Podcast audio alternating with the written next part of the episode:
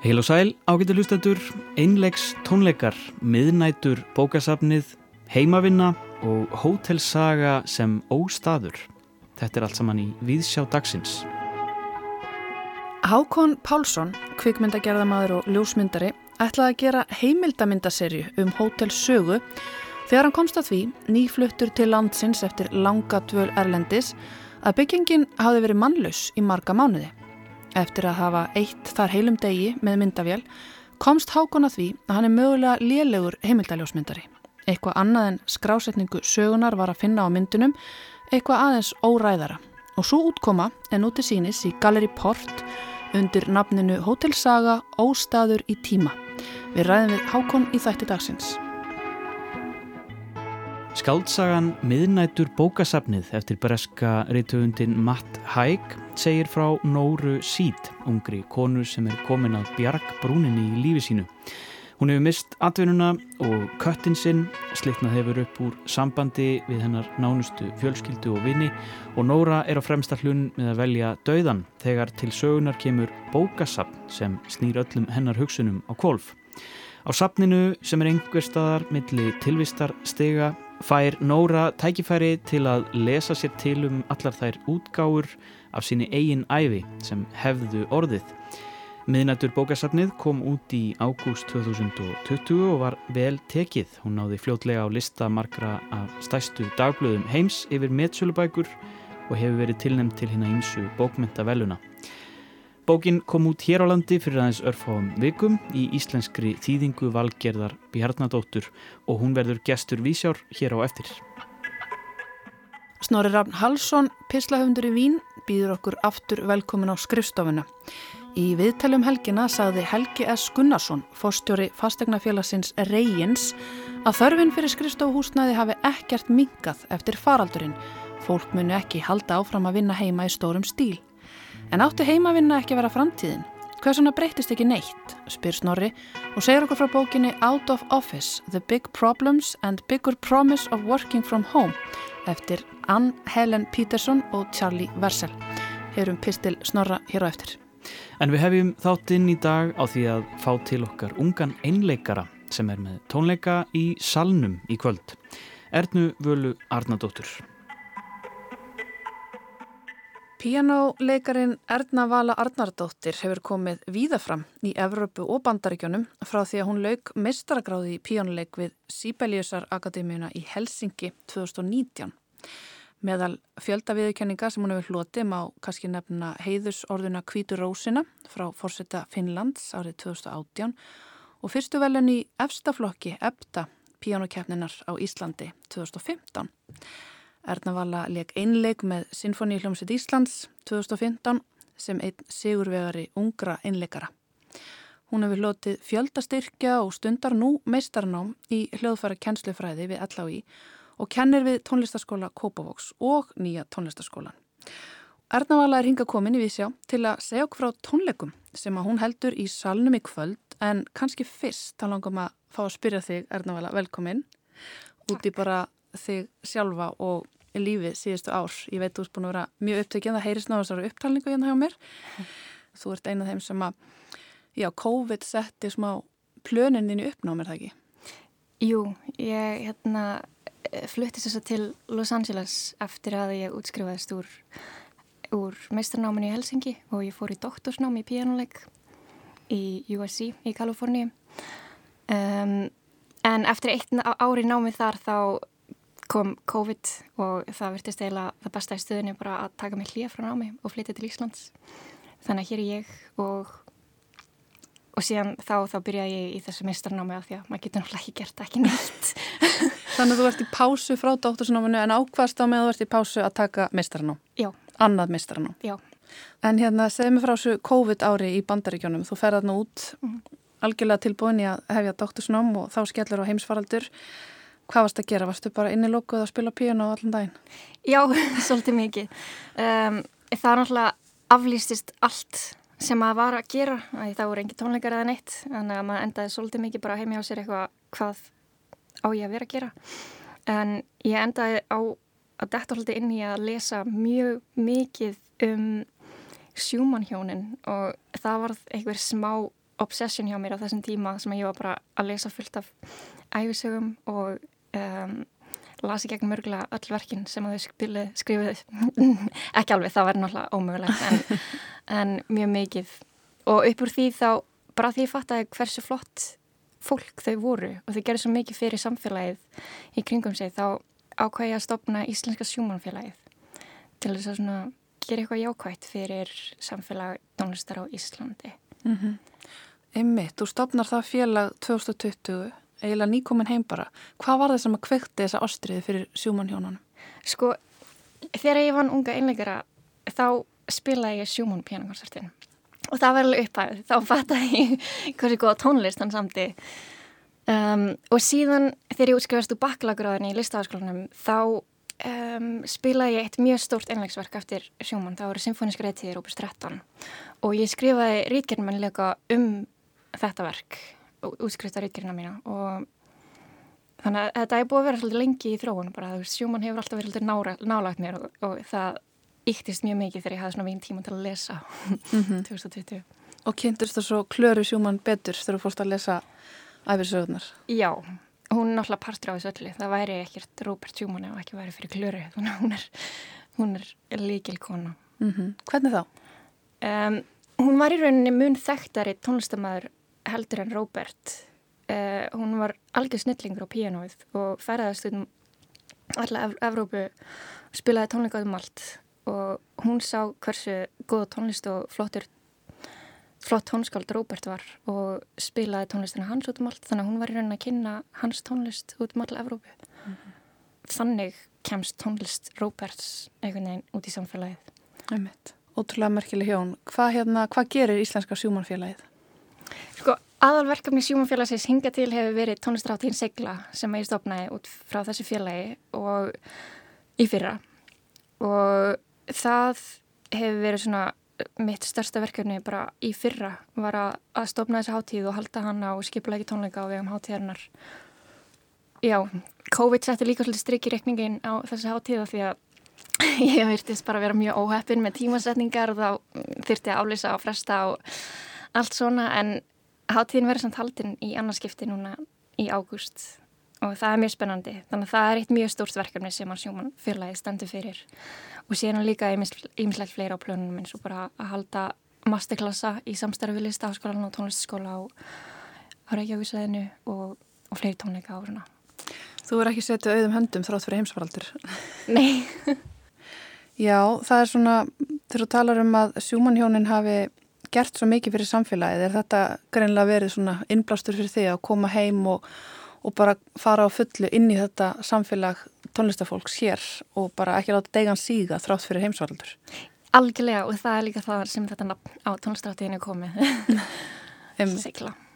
Segðum frá þessum tónleikum sem þú ætlar að halda í kvöld. Já, um, þetta er þessi tónleikar á, um, á vegum tónlistar tónleikaraðarinnar tíbrár í salnum og um, ég minn spila verk eftir Mozart, Ravel Ramó, Sibelius, Rachmaninoff og Skriabin.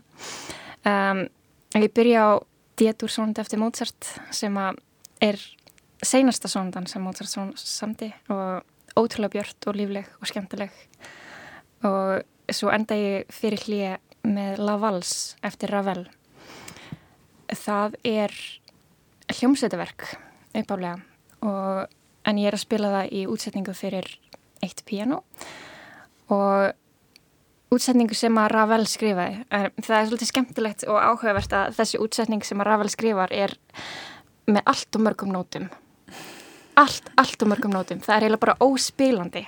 Þannig að, en það er útrúlega skemmtilegt verkefni fyrir flytjandan að því maður þarf eiginlega ákveða og útsetja sjálfur hvernig mað, maður getur sett það saman af því að það er hægt að spila allar þessu nótur. Þannig að maður þarf að ákveða hvernig er hægt að gera það. Þannig að í rauninni þegar maður spila solo-versjónuð af Lavals þá er maður líka smá að setja sitt eigið Einmitt, Það er mikið rými til tólkunar sem er ótrúlega skemmtilegt. Mm -hmm.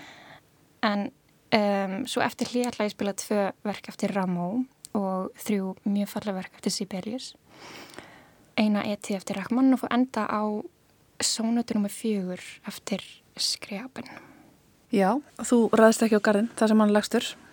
Takk einlega fyrir að koma Erna Vala Arnarsdóttir og gangið vel áfram. Ertu með ykkur plön eh, nú þegar það er búið að leta öllum höftum þannig séð þannig að það má fara að ferast aftur. Ertu að fara aftur út í dóttursnám? Já, líklegast. En það er spurning hvort það verður núna í haust eða, eða eitthvað aðeins einna, ég veit ekki. Það kemur ljós. Mögulega í Kaliforníu, kannski eitthvað starf annars þar. Spennandi tímar framöndan hjá þér. Og við ætlum hér í lókin að spila smábrót af upptöku sem að þú komst með. Segð mér aðeins frá þessar upptöku sem við ætlum að setja á fónin.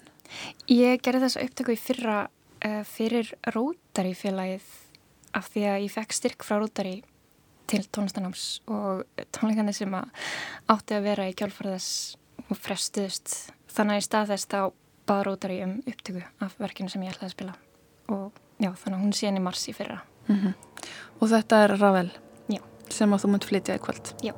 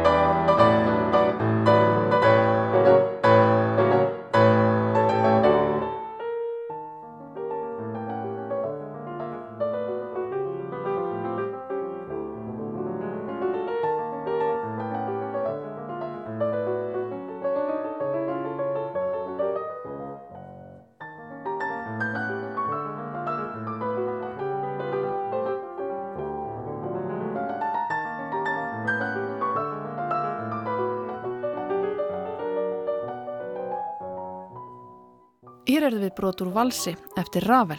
Það var Erna Vala Arnardóttir sem að flutti þennan vals hér á eftir spjallinu um tónleika sem að hún heldur í kvöld. Tónleikarnir eru hluti af Tíbrá tónleikaröðin í salnum í Kópavogi og tónleikarnir hefjast klukkan 19.30 áhuga sem geta því ennælt sér í miða. En þá að nýjútkominni bók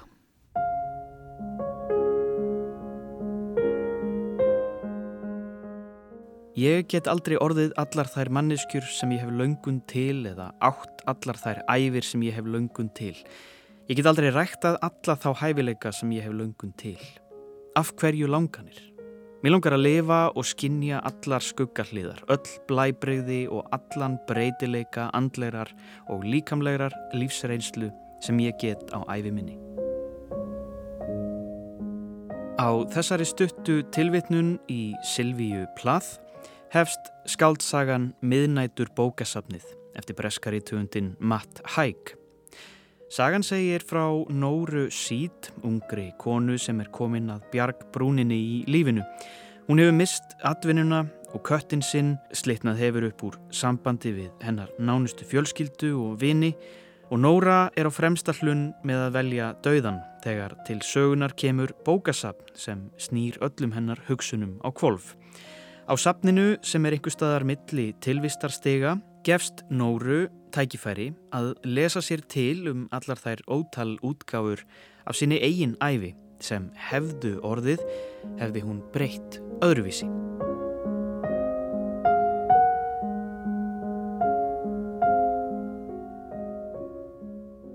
Matt Haig nýti sér fjölheimakenninguna svo kalluðu sem efni við í sögunni. Fjölheimakenningin er svo hugmynd að það séu til margir heimar, að upp úr hverji einustu ákvörðun hvers og eins spretti ótal nýjar sviðsmyndir. Eitthvað sem leiðir æfi okkar í aðrar áttir og gerir okkur að öðrum manneskjum. Í upphafi verksins er Nóra Síd ung stúlka og leikur skák við frú Elm, bókavörðin á gamla skólabókasafninu. Það er spjalla saman um áhyggjurnar í lífi Nóru en líka valmöguleikana og hinn mörgu ólíku líf sem séu framöndan eins og frú Elm kemst að orði. Til dæmis geti hún orðið jöklafræðingur. Skákin rammar ágætlega inn þá hugmynd að leikirnir sem eru í bóði eru nær óteilandi margir og engin veit hvernig skákin endar. Bókagagrínandi Breska dagblasins The Guardian kallar miðnættu bókasatnið strömlínulagaða skáltsugu. Það er að segja það eru engar hliðarsögur annara persóna og þær fáu personur sem koma við sögu eru í raun til þess að drífa áfram sögu nóru. Þetta er líka hálgerð fantasía. Í sögunni eru draumkendar vangaveltur, milli lífs og dauða um það besta og það versta sem lífið hefur upp á að bjóða, því sem við getum breytt og því sem verður ekki breytt. Höfundurinn Matt Haig hefur skrifað bæði fyrir börn og fullorna, sögur sem sína ólíkar hliðar lífsins, hinn að ljósu og hinn að dökku. Hann hefur verið afar opinskárum sinn eigin geðræna vanda, þunglindi og kvíðaröskun og gefið út bækur þar sem hann glýmir einmitt við það og skrifar um personur í leitað tilgangi, hamingi og lífsfyllingu. Miðnættubókasafnið kom út í ágúst 2020 og var vel tekið. Hún náði fljótlega á lista margra af stærstu dagblada heims yfir metsölubækur og hefur verið tilnæmt til hérna ímsu bókmyndaveluna. Bókin kom út hér á landi fyrir aðeins örfáum vikum í íslenskri þýðingu valgerðar Bjarnadóttur.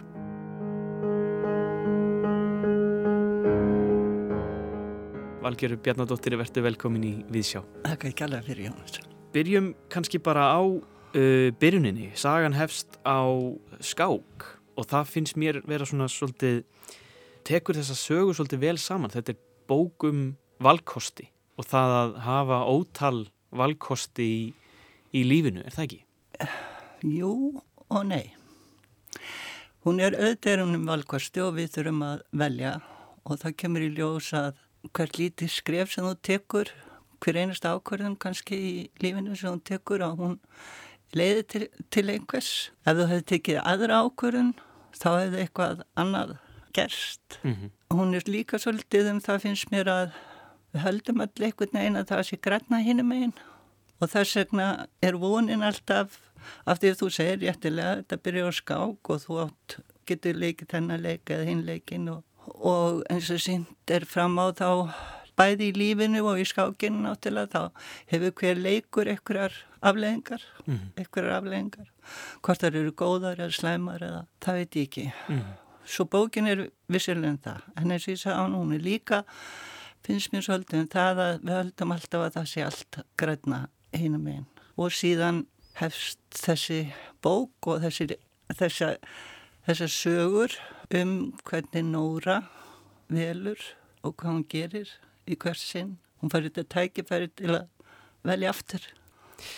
Og þessi saga fjallari mitt um Nóru, Nóru Síd sem er ung kona 35 ára Þetta er samtíma saga, gerist í okkar kunnulega heimi, það eru samfélagsmiðlar hérna og, og hún er svona bara lifir í kunnulegum heimi. En hennar ákvarðanir í lífinu hafa leitt hana á slæman stað.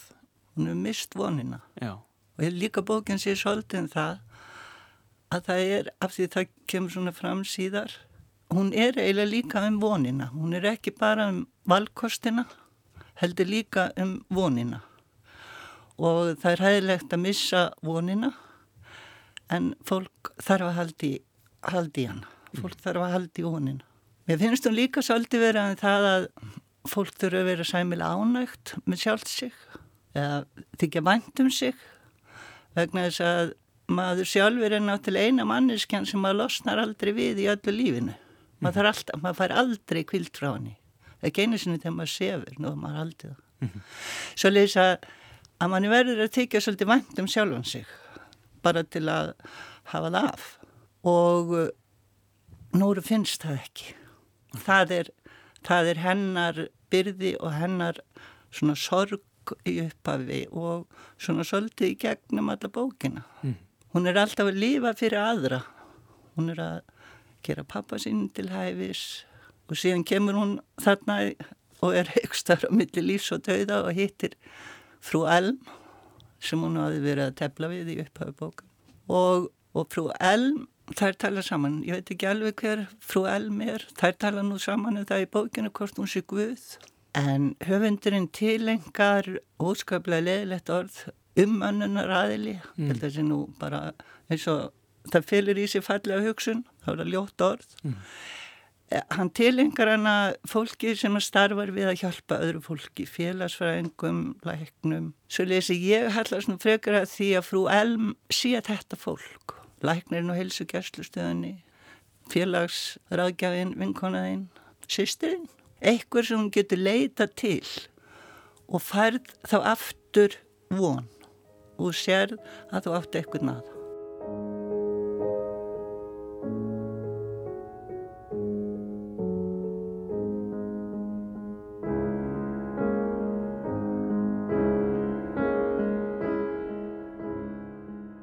Hvernig persóna finnst þér Nóra síð vera?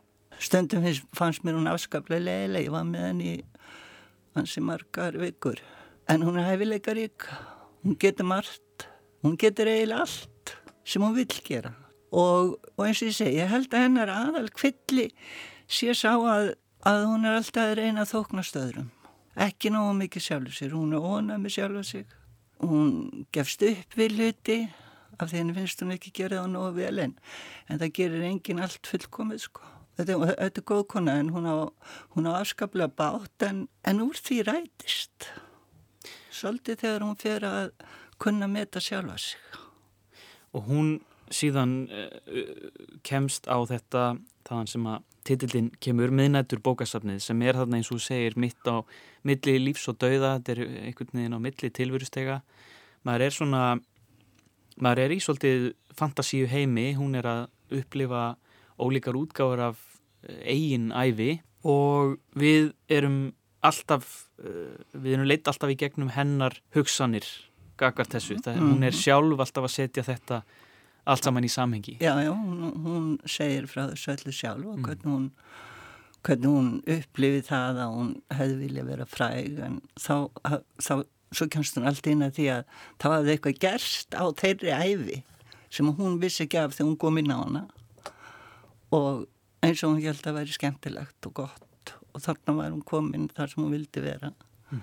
þá allt í hennu hrundi það líka og svona gengur hún í gegnum hverja æfina fættur annari mm. mjög ólíkar hún fyrir, fyrir svalbarða og Sem jarðvísindamæður? Sem jarðvísindamæður, jöklafræðingur ja. eða eitthvað leiðis. Mm.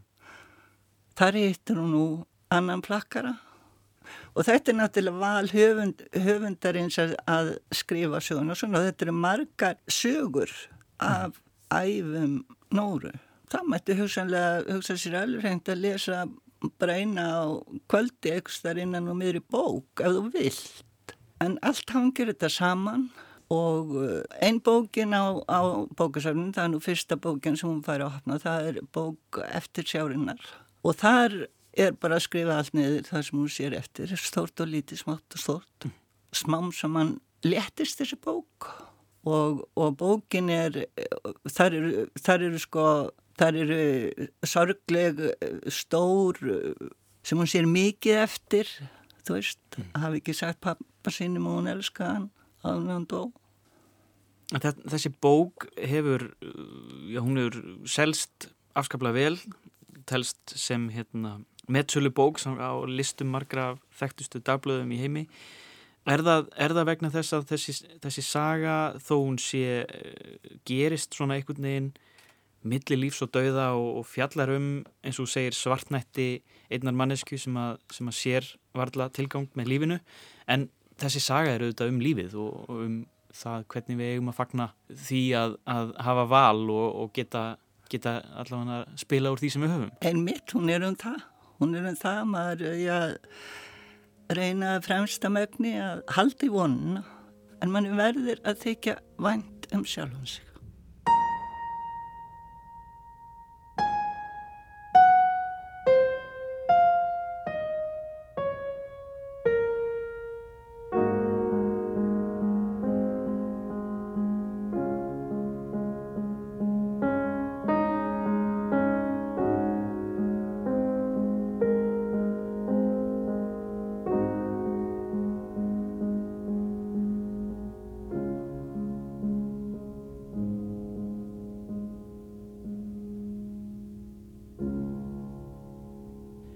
Forleikur úr Opus 28 í D-stúr eftir Fredrik Chopin.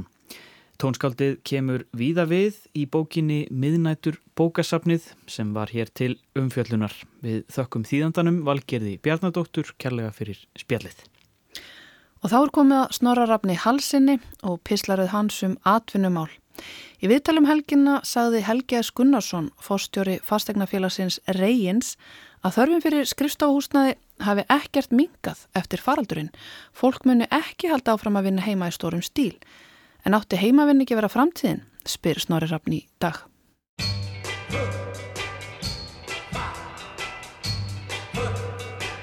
I hear something saying uh,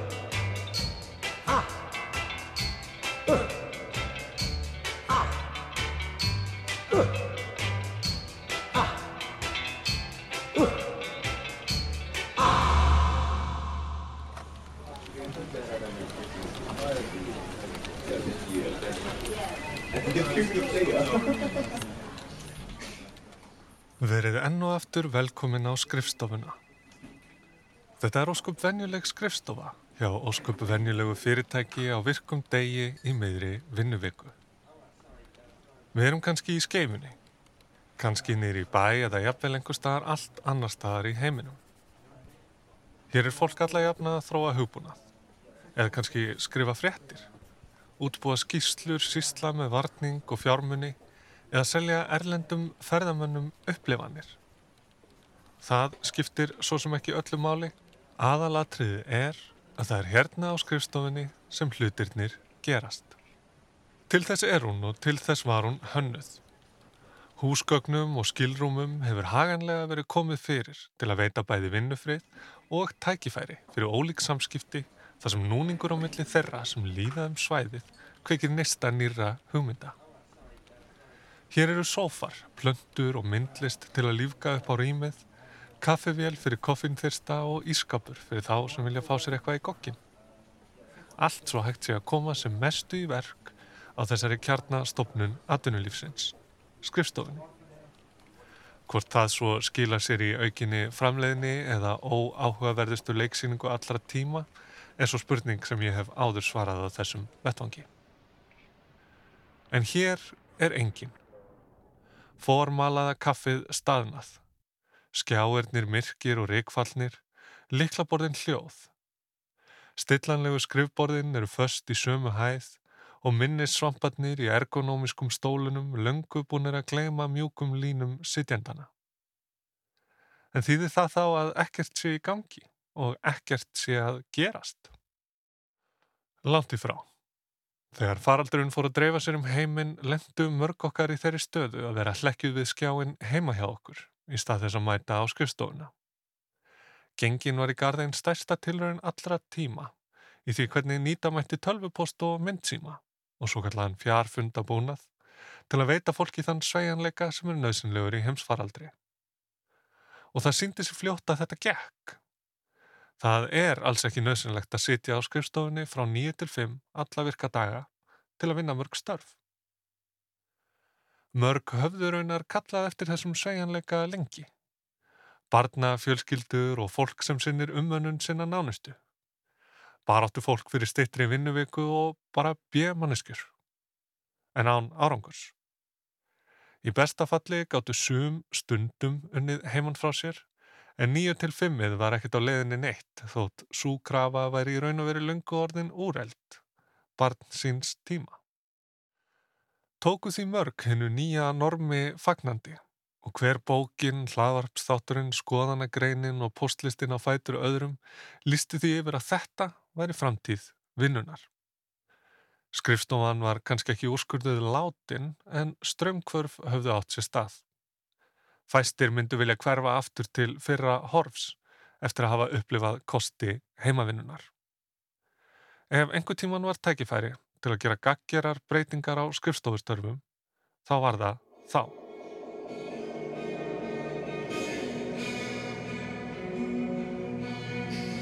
Um helgina byrtist frétt á innherja síðum Vísis, þar sem Helgi S. Gunnarsson, forstjóri fastegnafélagsins Reyins, segir að þörfin fyrir skrifstofur hafi ekki mingað eftir faraldurinn.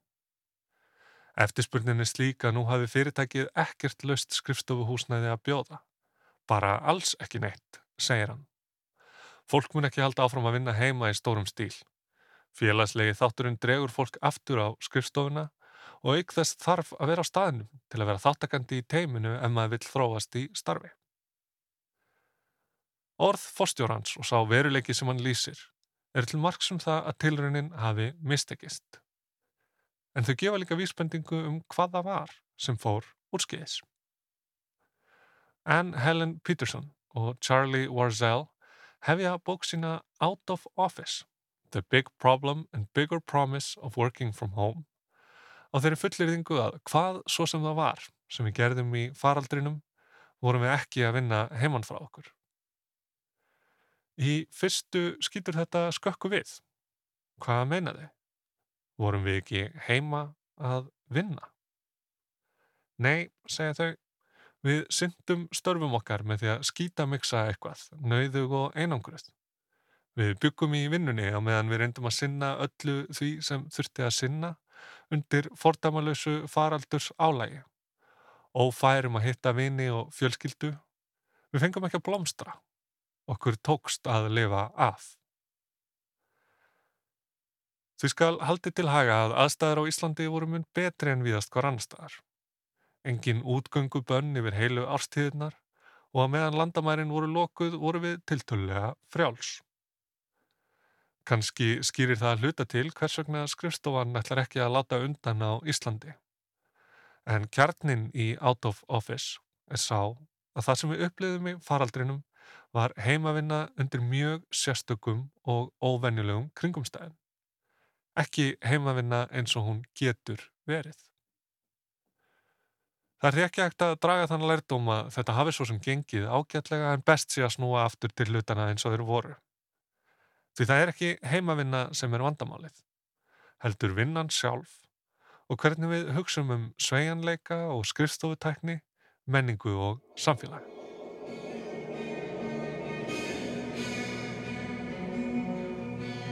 Við sem höfðum unnið heimann frá okkur áður en það var þið nýja norm vissum í hvað stemdi. Því vinna getur verið sleip. Hún er segfljótandi og smígurinn í allar sprungur fyllir upp í öll gött sem hún finnur.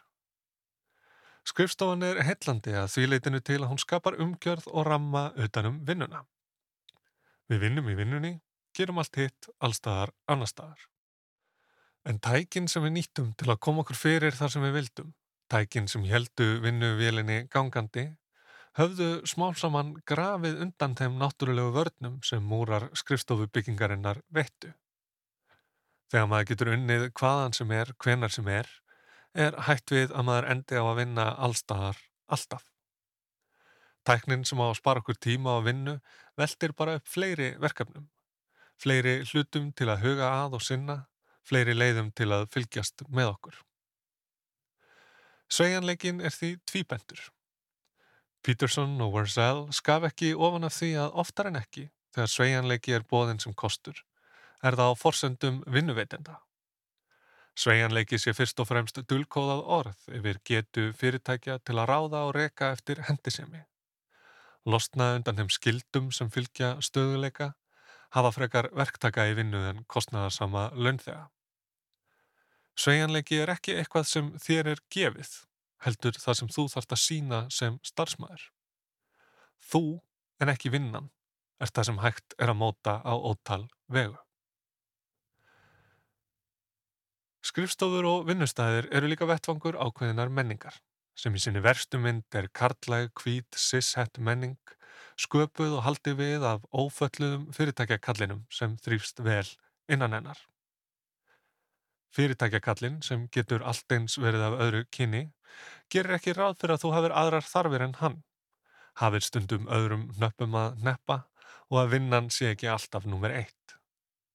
Allt eru þetta brestir sem sína þér sé kannski ekki alvara. Sért ekki til í að taka jafnmikinn þátt og aðrir og eigir þaralegandi ekki skilið sömu tækifæri.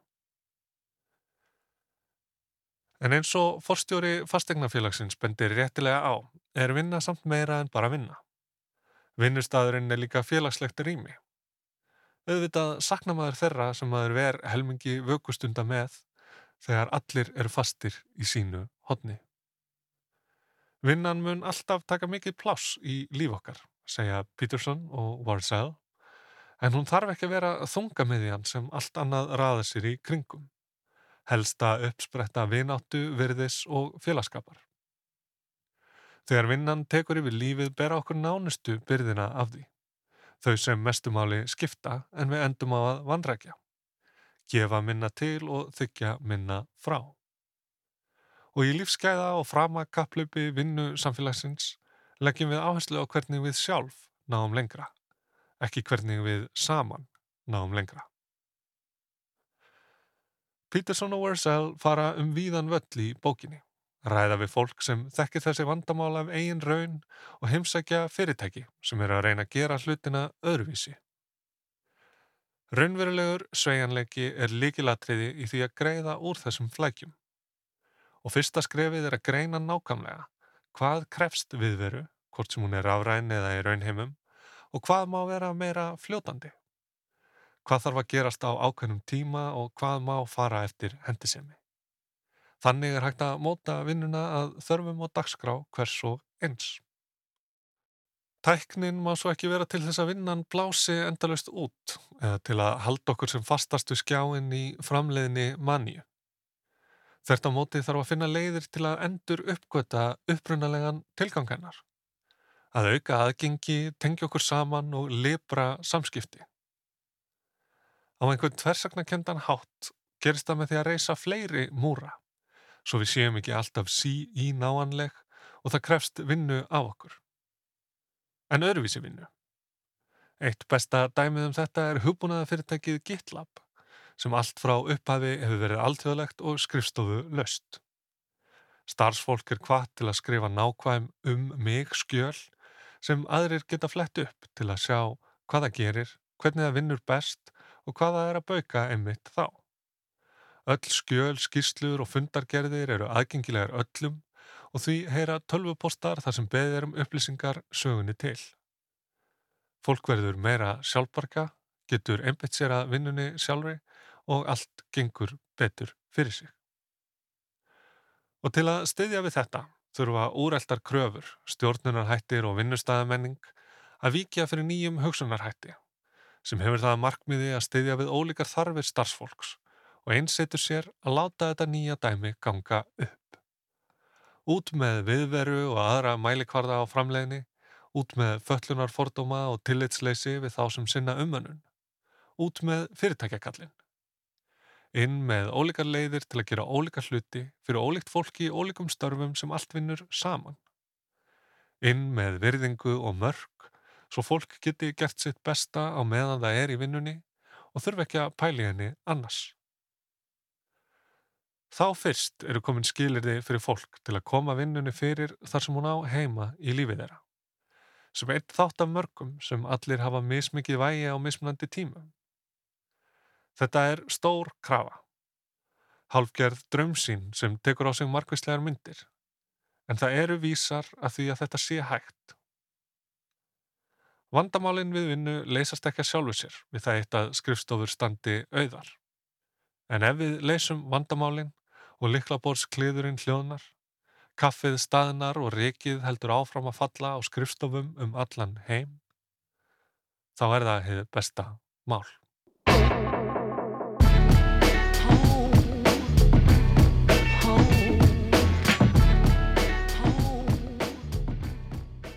Lægið Home með hljómsettinni Caribou af plötunni Suddenly frá árunni 2020. Hér á eftir pistli Snorraraps Hallssonar. En nú höldum við á vitt draumkendrar myndaserju sem tekin var dag einn í heimsfaraldri inni á Hotel Sögu. Halla hitti Hákon Pálsson í Galleri Port þar sem myndaserjan Hotel Saga Óstaður í tíma er til sínis.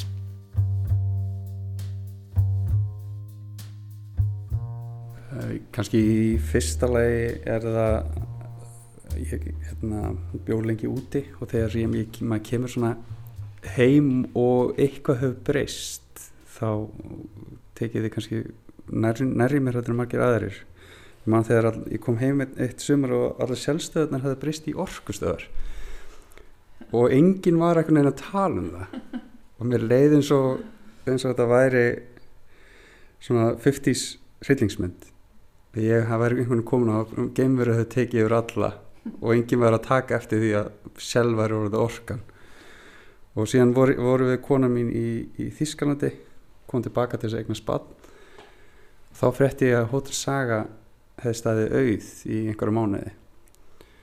Og ég fekk mjög sterklega tilfinninguna að hvað sem þetta gerast þá myndi eitthvað tapast þannig að fyrst fer ég hérna inn með það þá hugmynd að ég gæti verið einhvers konar heimilda ljósmyndari sem ég síðan held ég sé ekkert sérstaklega góður heimilda ljósmyndari. Ég veit það ekki, ég get ekki tekið undir það en þessa myndir allavega sem við erum að horfa og þetta er miklu meira svona það eru persónlegar og það er einhver tilfinning hérna. Já, þetta er ekki heimildaverk þetta er, þetta er einhver ljóðræna sem er í gangi hér frekar. Já, ég reyni mér finnst þægilegast að rýmið fyrir mig í ljósmyndun er að vera einhvers þar á milli svona objektífa og subjektífa myndirnar eru allar teknar í sömu hæð.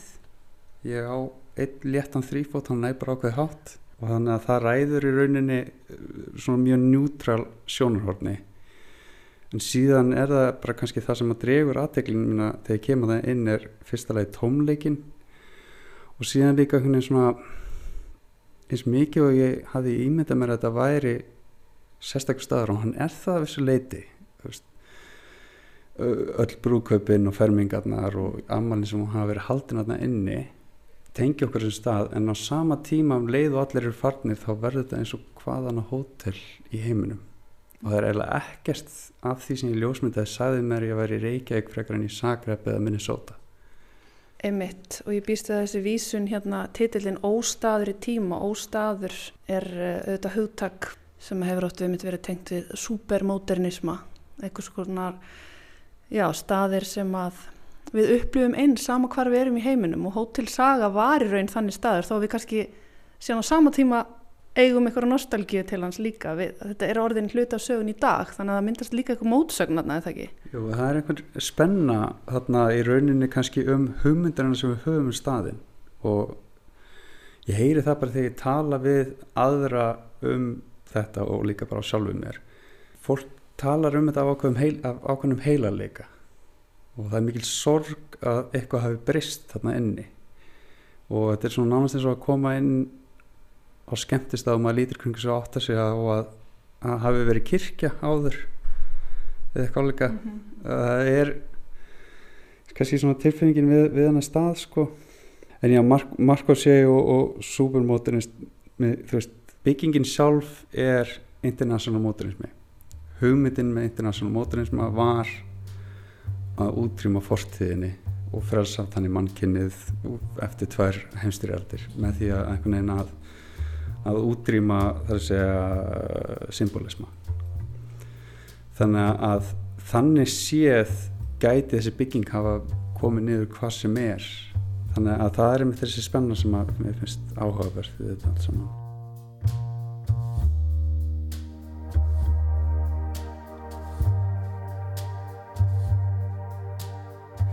Þetta er sami, sami staður og kannski myndar þínar bestu minningar í ferðarlægi eða fríi og svo framvegis. En tengingin inn í staðin er alltaf einhvers konar takmarkum háð. Engin velur gluggatjöld á hótelherbyggi sitt. Engin hengir upp myndir af fjölskyldur sínu á hótelherbygginu sínu.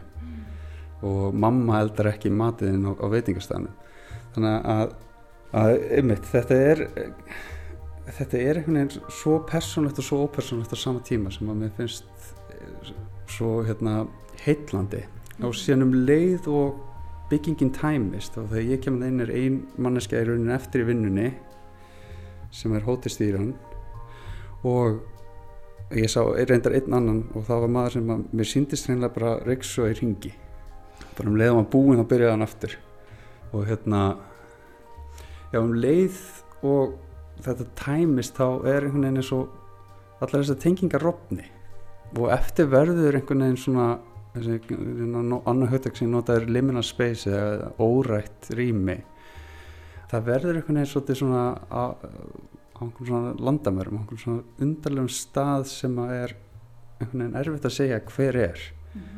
Og já, eitna, ég held að þetta sé kannski svona það sem David Lynch er tektast fyrir að framkalla í myndir sinum og þegar ég, eftir ég skauta þess að séri þá kannski fatta ég af hverju David Lynch kemur frá Ameríku þannig að Ameríka er uppfull af svona fortíðalösi fortíð sem að engin leiðir að staðsetja fullkomlega á einhvern eitt stað eða annan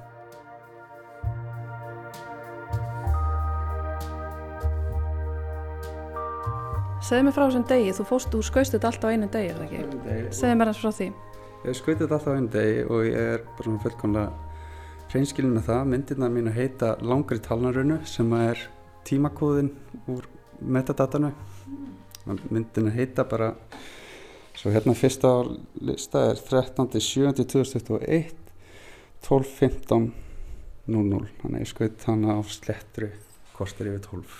Ég veldi á fyrir mig hvort að ég ætti að fara þarna inn aftur til þess að reyna að fá einhvers konar heilrænari sín yfir hótelsögu aftur með einhverja grillur um það að ég væri heimildaljósmyndari en ég ákvað síðan eftir því sem tími leið að láta gott vera og þá er eiginlega hluti af verkinu að þetta er nákvæmlega þessi dagur mm -hmm. og engin annar dagur og það svona ítir undir aftur þessu spennu sem ræðum um að þessu staðleysu, þessu tímarleysu en þyrst að vera þarna og þyrst að vera þá Átt þú sjálfur, þú talar um fermingar og böll og veislur í grillin og eitthvað svona, átt þú sjálfur eitthvað svona minningu frá þessum stað?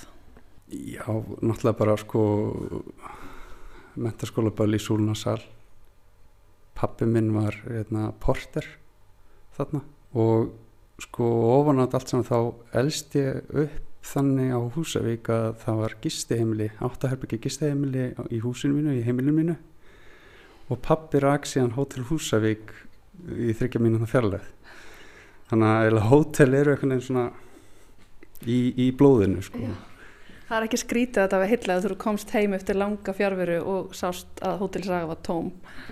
Já þetta er kannski ákveðis hérna sálsvæði tími sem við erum eiga hérna, en, en hérna, já, maður ræður ekki því hvað hellar, hellars mann sko.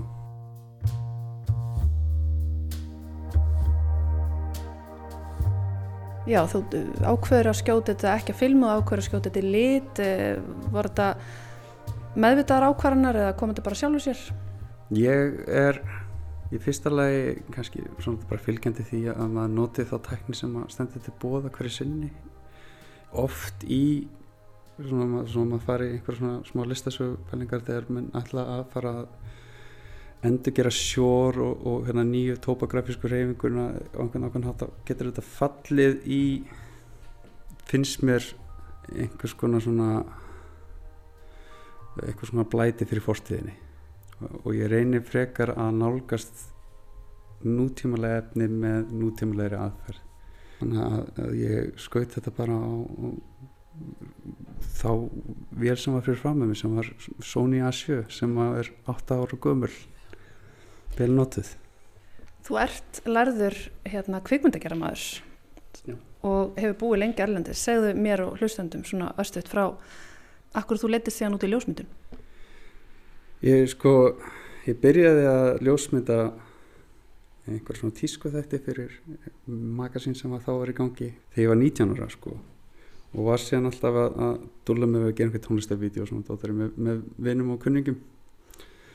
Og síðan fer ég út að læra í Edinburgh College of Art ég gerir þar einu mynd sem að, lendi mér svona einhverjum svona barnabafta verðlunum fyrir kvingundatöku sem var svona kannski síðan fyrsta skrifið mitt inn í það að geta gert þetta fyrir að einhver svona lísuðið væri ég, ég var alltaf að banka upp á dittnar hjá og þessu framlendum og þessu ávara heyri með að vinna einhver velun og síðan fann einhver velun og ég bankaði aftur og hann svaraði ekki heldur það sko.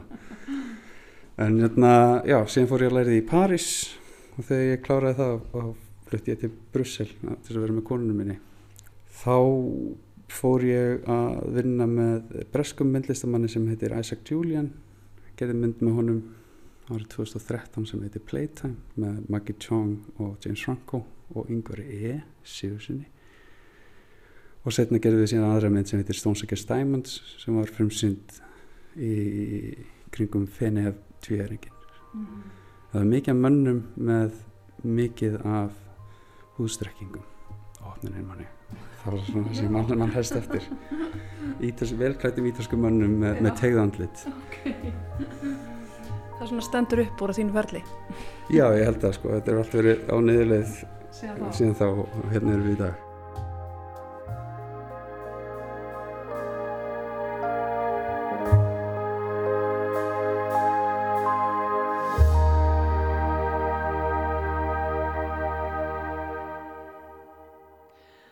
Nokkrir tónar eftir tónskaldið Angelo Badalamenti, náinn samverkamann David Lins.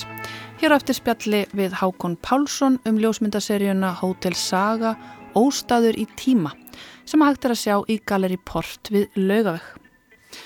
Og þannig líkur við sjá þennan þriðudaginn við verðum hér aftur á sama tíma á morgun. Takk fyrir samfélgina og verið sæl. Verið sæl.